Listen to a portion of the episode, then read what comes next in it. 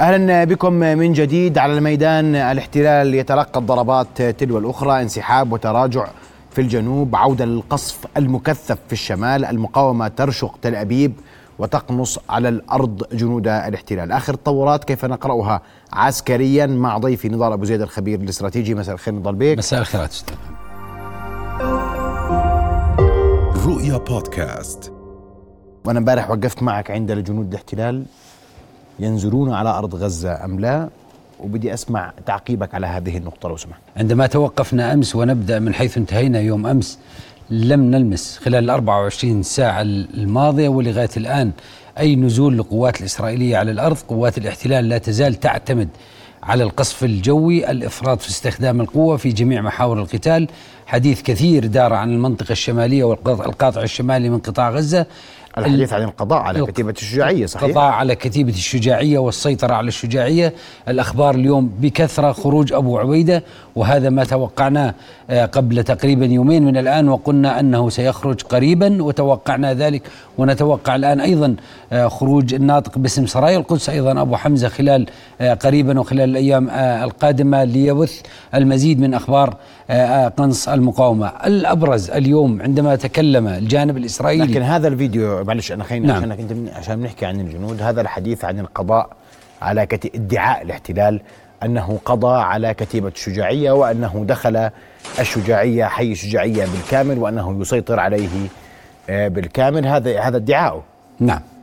نحن أمام معركة كر وفر. هذه معركة حتى لو كانت القوات الاحتلال دخلت في الشجاعية الشجاعية جزء من 362 كيلو متر وهي مساحة قطاع غزة هي حي ليست كبيرة لكنها مؤثرة وأنا أعتقد أن هذه النار على إيش بس هذه المقاطع التي تظهر وكأنها مقاطع هوليوودية تمثيل لعمليات اقتحام ودخول لا تمثل شيء لم نرى أي جندي لم نرى أي مقاوم أصيب لم نرى أي عمليات اعتقال لمقاومين موجودين في الشجاعية. آه، التصوير كان بأنظمة وبطريقة رائعة جدا. آه، هوليوودية إخراج ممتاز بحيث تظهر صورة نمطية للجيش الإسرائيلي بأنه يعني حقق يعني انتصار على الباب يعني. معين أنا أعتقد حتى لو كان هذا واقعا قد نسمع خلال الأيام القادمة عن خروج مقاومة في الشجاعية لن تترك المقاومة الشجاعية على تصريحات الجانب الإسرائيلي ولن تترك الجانب الإسرائيلي حتى يهنأ بمحاولة رسم صورة مزيفة لانتصار في منطقة الشجاعية الذي التي بالمناسبة يقاتل فيها منذ 74 يوم. هذه المنطقة والتي تبعد عن الشريط الحدودي الشمالي لقطاع غزة كيلو 400 متر. وبالتالي تخيل أن ب 74 يوم استطاع الوصول إلى أحد أحياء غزة وتغنى وما شاهدناه من نزوع الأرض آه، فقط لغاية التصوير هذا تصوير واضح جدا عمليات إطلاق عملية هلوديه إطلاق عشوائي لم نرى أي مقاوم لم نرى آه، آه، استشهاد أي مقاوم أو إلقاء القبض على أي مقاوم وبالتالي عن أي نصر يتحدث الجانب الإسرائيلي طيب. أظني مع الفيديوهات لأنه نمشي ما في مشكلة. اليوم كان من من الفوارق المهمة إطلاق هذه الرشقة الصاروخية من قبل المقاومه باتجاه تل أبيب. نعم هذا سأقف عنده قليلا، قبل هذه الإطلاق صدر تصريح منذ صباح اليوم من الجانب الإسرائيلي وكان تصريح انتشر على كل مواقع التواصل وانتشر على كل المواقع الإعلامية الإسرائيلية وقال الجانب الإسرائيلي أن أننا نجحنا بتحييد القوة الصاروخية للمقاومة وبالتالي حتى الجبهة الداخلية في إسرائيل أعطيت أوامر للسكان باريحيه الخروج والتحرك داخل المناطق. هذا التصريح صدر بالتحديد في الساعة التاسعة والنصف من صباح اليوم. خرجت الرشقة الصاروخية في الساعة الحادية عشر والنصف تماما أيضا من صباح اليوم ليس المهم بخروج الرشقة الصاروخية هناك ثلاث ملاحظات على الرشقة الصاروخية الملاحظة الأولى أن هذه الرشقة الصاروخية جاءت من أكبر الرشقات الصاروخية ومن أعمقها في آه، قصف آه، العمق الإسرائيلي حيث وصلت إلى نتانيا. نتكلم عن 82 كيلو متر هذا واحد. اثنين أن هذه الرشقة الصاروخية لم تصل فقط إلى عمق إسرائيل في نتانيا الشمال تل أبيب وفي أقصى شمال الأراضي المحتلة. هي قصفت على التوالي وعلى طول الشريط الساحلي عسقلان ثم أسدوت ثم نتانيا. وبالتالي هذه الرشقات توالت على طول الشريط الحدودي وليس ذلك فقط أنه خرج من المقاومة 36 صاروخ من الرشقات الصاروخية وعلى وجبتين رشقات بمرتين متتاليات. كان الفارق بين الرشقة الأولى ال 18 صاروخ ثم ال 18 صاروخ الآخر تقريبا فارق 12 إلى 13 دقيقة وباعتراف الجانب الإسرائيلي بالمناسبة. هذا ليس مهم المهم الأكثر في هذه الرشقات الصاروخية أنها خرجت من تحت أقدام القوات الإسرائيلية وبالصور الذي بثها الجانب الإسرائيلي خرجت من المنطقة الشمالية من قطاع غزة وهي المنطقة التي أعلن عنها قوات الاحتلال أن أو أعلن عنها وزير الدفاع أنه يسيطر عليها. وهذا الكلام الذي أتكلم عنه ليس تقييم أو تحليل. هذه مقاطع بثت وأعلن عنها الجانب الإسرائيلي ووثقت من قبل الجانب الإسرائيلي بالأخبار وبلمع الأخبار التي صدرت بشكل متوالي. وبالتالي كان هذا أبرز حدث كسرت به المقاومة الماكنة الإعلامية الإسرائيلية وكسرت فيه التباهي الإسرائيلي أو محاولة نصر آه، طيب. زائف آه، للجانب الإسرائيلي أنتقل لقنص آه، جنود الاحتلال وما بثته المقاومة من عمليات قنص. تفضل. نعم هذه العملية بالبندقية التي تكلمنا يوم عنها يوم أمس بندقية الغول.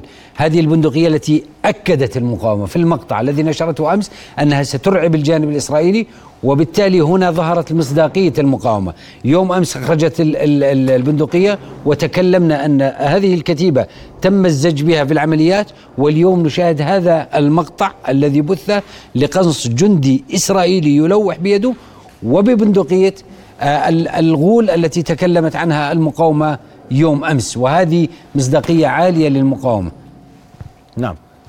آه، أيضا المقاومة أعلنت عن عدد من الأسرى قتلوا لديها نتيجة ضربات آه، الاحتلال الهمجية. تعليقك على هذا الفيديو وبرأيك لماذا تستخدم المقاومة اليوم وهي تستخدمه في اللغات الثلاث اليوم؟ نعم.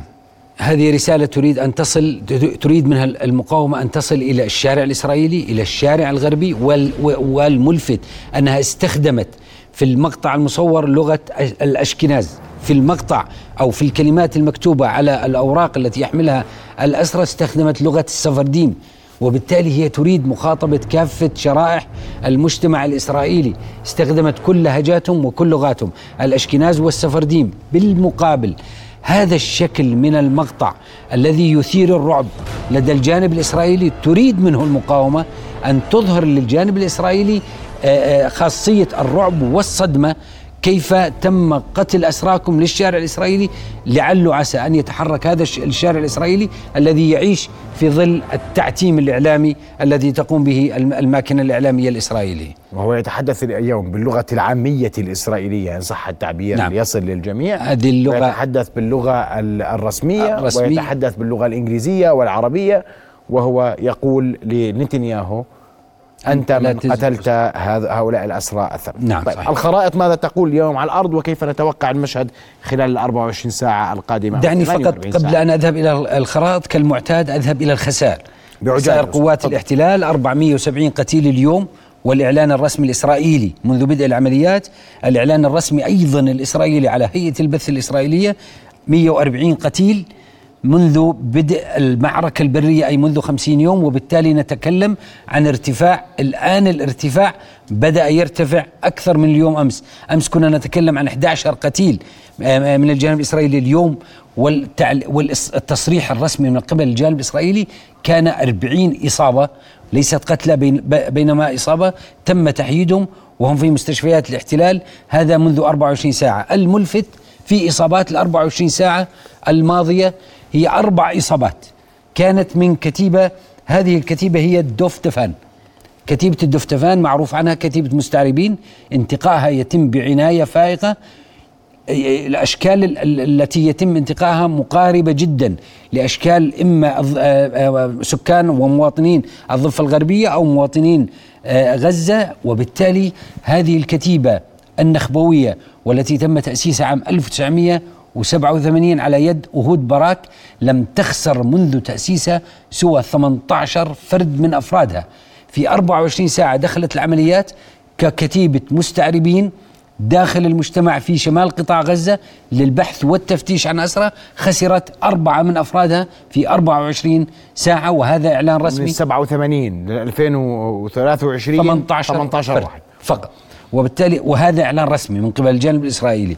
الآن دعني أذهب فقط على تساؤل صغير يدور للمراقب وللمشاهد ماذا آه، أو بماذا فشل الاحتلال وبماذا ربحت المقاومة؟ الاحتلال حتى تتضح الصورة ونبعد كثيرا عن الماكنة الإعلامية الإسرائيلية ومحاولة الترويج. فشل في تحرير الأسرى فشل في مسك الأرض فشل في السيطرة على قطاع غزة فشل في الماكنة الإعلامية آه، آه، فشل في تحييد القوة المقاومة وكل هذا تحقق له نجاح للمقاومة في الوجه المقابل منه. يدوت أحرنوت اليوم ونعرف عندما نتكلم عن يدوت أحرنوت مدى قرب هذه الصفيحة الصحيفة الإسرائيلية من مطبخ القرار والمطبخ الأمني بالتحديد. الإسرائيلي تكلمت وبمنشيت عريض على صفحاتها الرسمية وقالت أن الجيش بدأ يشتم رائحة وقف العمليات لذلك يستعجل بمحاولة آه، تحقيق إنجاز على الأرض. وهذا العنوان العريض الذي ظهر على يدعوت أحرنوت اليوم يعطي دلالات كبيرة.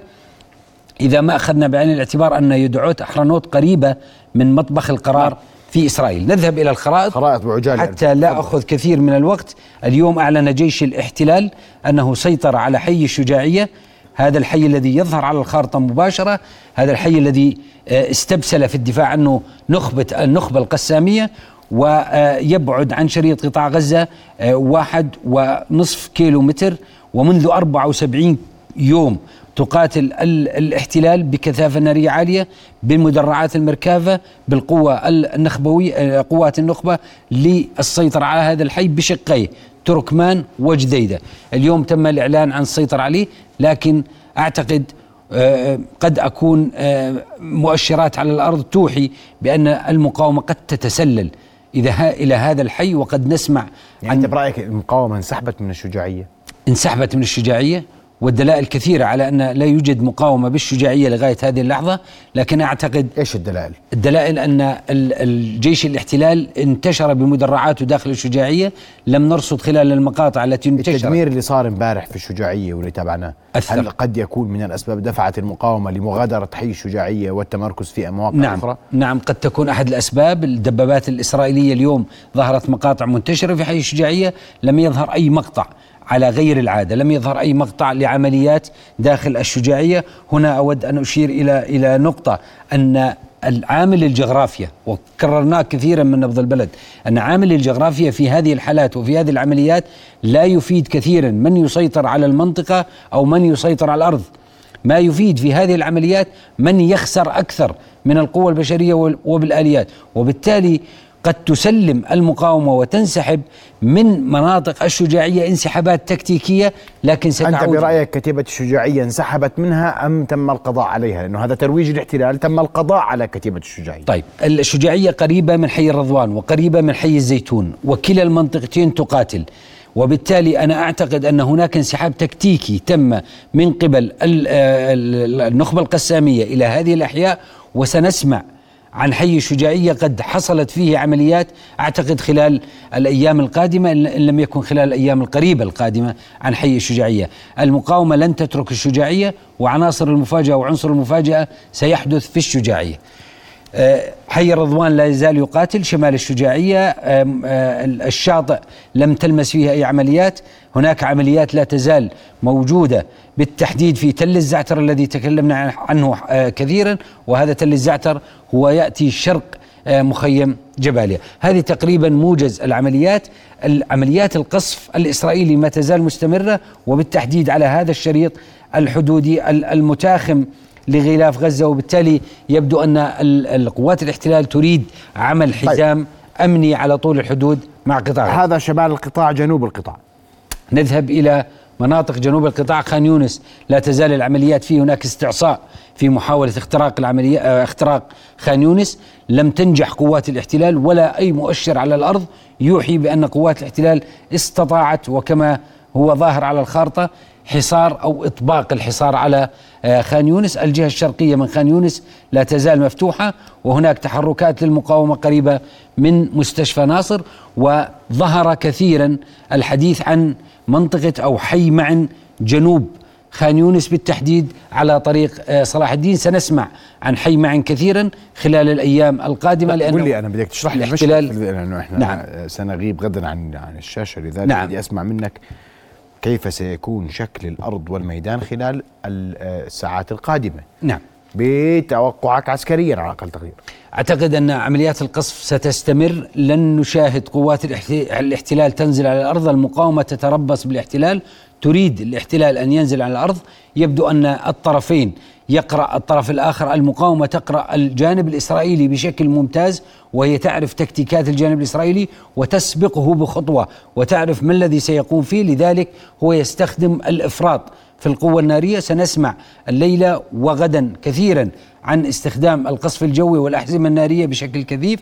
القوات الاحتلال تريد تحقيق إنجاز ما لتخفيض سقف توقعات أو سقف المطالب آه، للجناح السياسي من حماس بما يتعلق من مفاوضات لغاية الآن آه، حماس تقول لن نذهب إلى هدنة قبل وقف إطلاق النار، الجانب الإسرائيلي يقول لا وقف لإطلاق النار وسنقوم بتحرير الأسرى، اذا نحن الآن أمام مشهدين في المسار السياسي، مشهد يقول لا وقف لإطلاق النار والمشهد الآخر يقول لن أذهب إلى هدنة قبل وقف إطلاق النار، الآن من يثبت على الأرض ويثبت وجوده على الأرض ويوقع خسائر فالطرف الآخر اكبر أكثر أعتقد أنه سيكسر عظم الطرف الآخر ويجبره على الجلوس على طاولة المفاوضات بشروط الطرف الآخر وأعتقد أن اليد الطولة لا تزال للمقاومة على الأرض. هل من عمليات عسكرية في الشمال هل سنسمع يعني إحنا القراره سمعنا عنها بطل نسمع عنها عشان نكون دقيقين. نعم. خان يونس تقول اليوم المنطقة مستعصية العمليات فيها أقل القصف الجوي هو أوسع نعم. من من عمليات عسكرية برية لكن أيضا مراسلون في في الميدان وما يرشح من أخبار في خان يونس يتحدث عن عمليات اشتباك مسلح مستمرة متواصلة على تخوم مدينة خان يونس هناك عمليات اشتباك في, في تحديدا إذا ما ذهبنا إلى الخارطة مباشرة على طريق صلاح الدين قبل أو شمال خان يونس من منطقة آه، آه، صلاح الدين باتجاه منتزه البلدية وتكلمنا عنه كثيرا. هناك اشتباكات أيضا مباشرة على طريق عبسان من من خزاعة باتجاه بني سهيلة على هذه المنطقة بالتحديد وهناك اشتباكات أيضا أخرى على الطريق الجنوبي لصلاح الدين. وبالتالي نحن أمام ثلاث مناطق ثلاث محاور ثلاث مناطق اشتباكات رئيسية تجري فيها الاشتباكات. بالتالي المقاومة تريد إنهاك القوات الإسرائيلية قبل الوصول إلى خان يونس على تخوم خان يونس في الطرق البرية التي تؤدي إلى خان يونس حتى تستمر المقاومة بقطع طرق الإمداد للقوات الإسرائيلية قبل أن تدخل إلى خان يونس، وأعتقد أن قوات المقاومة تخطط للإجهاز على قوات الاحتلال وإرهاق قوات الاحتلال قبل دخول خان يونس ثم تفتح المجال لقوات الاحتلال للتوغل بضعة آه، آه، أمتار أو بضعة آه، أقل من كيلومتر داخل خان يونس لتدخل قوات الاحتلال. المدن مرهقة وبالتالي هذه هذا الملعب الذي يكون ملعب المقاومة وهو استمكان قوات نعم. الاحتلال بالمباني والمدن داخل خان يونس. توصيف لما حدث في الشجاعية اليوم ما بثته قوات الاحتلال أنه قد تكون أو قد يكون هذا الفيديو تمهيد لانسحاب القوات من الشجاعية. قضينا على الكتيبة نحن نستفرد ونسير في شجاعية دون مقاومة سنخرج منها نعم. ممكن غير ممكن عسكريا لن تستطيع قوات الاحتلال الخروج من الشجاعية لأن المقاومة سترجع للشجاعية والمقاومة ستوقع بقوات الاحتلال خسائر وسنشاهد مقاطع لعمليات في الشجاعية. عنصر المفاجأة تبدع فيه المقاومة وهذا التكتيك الذي تتبعه المقاومة المقاومة لم تترك الشجاعية عبثا ولم تترك الشجاعية بهذه الطريقة وتنسحب بتكتيك محترف جدا إلى مناطق قد تكون حي الرضوان وقد تكون حي الزيتون. وأنا لا أعرف بالتحديد إلى أين انسحبت هذه العناصر لكن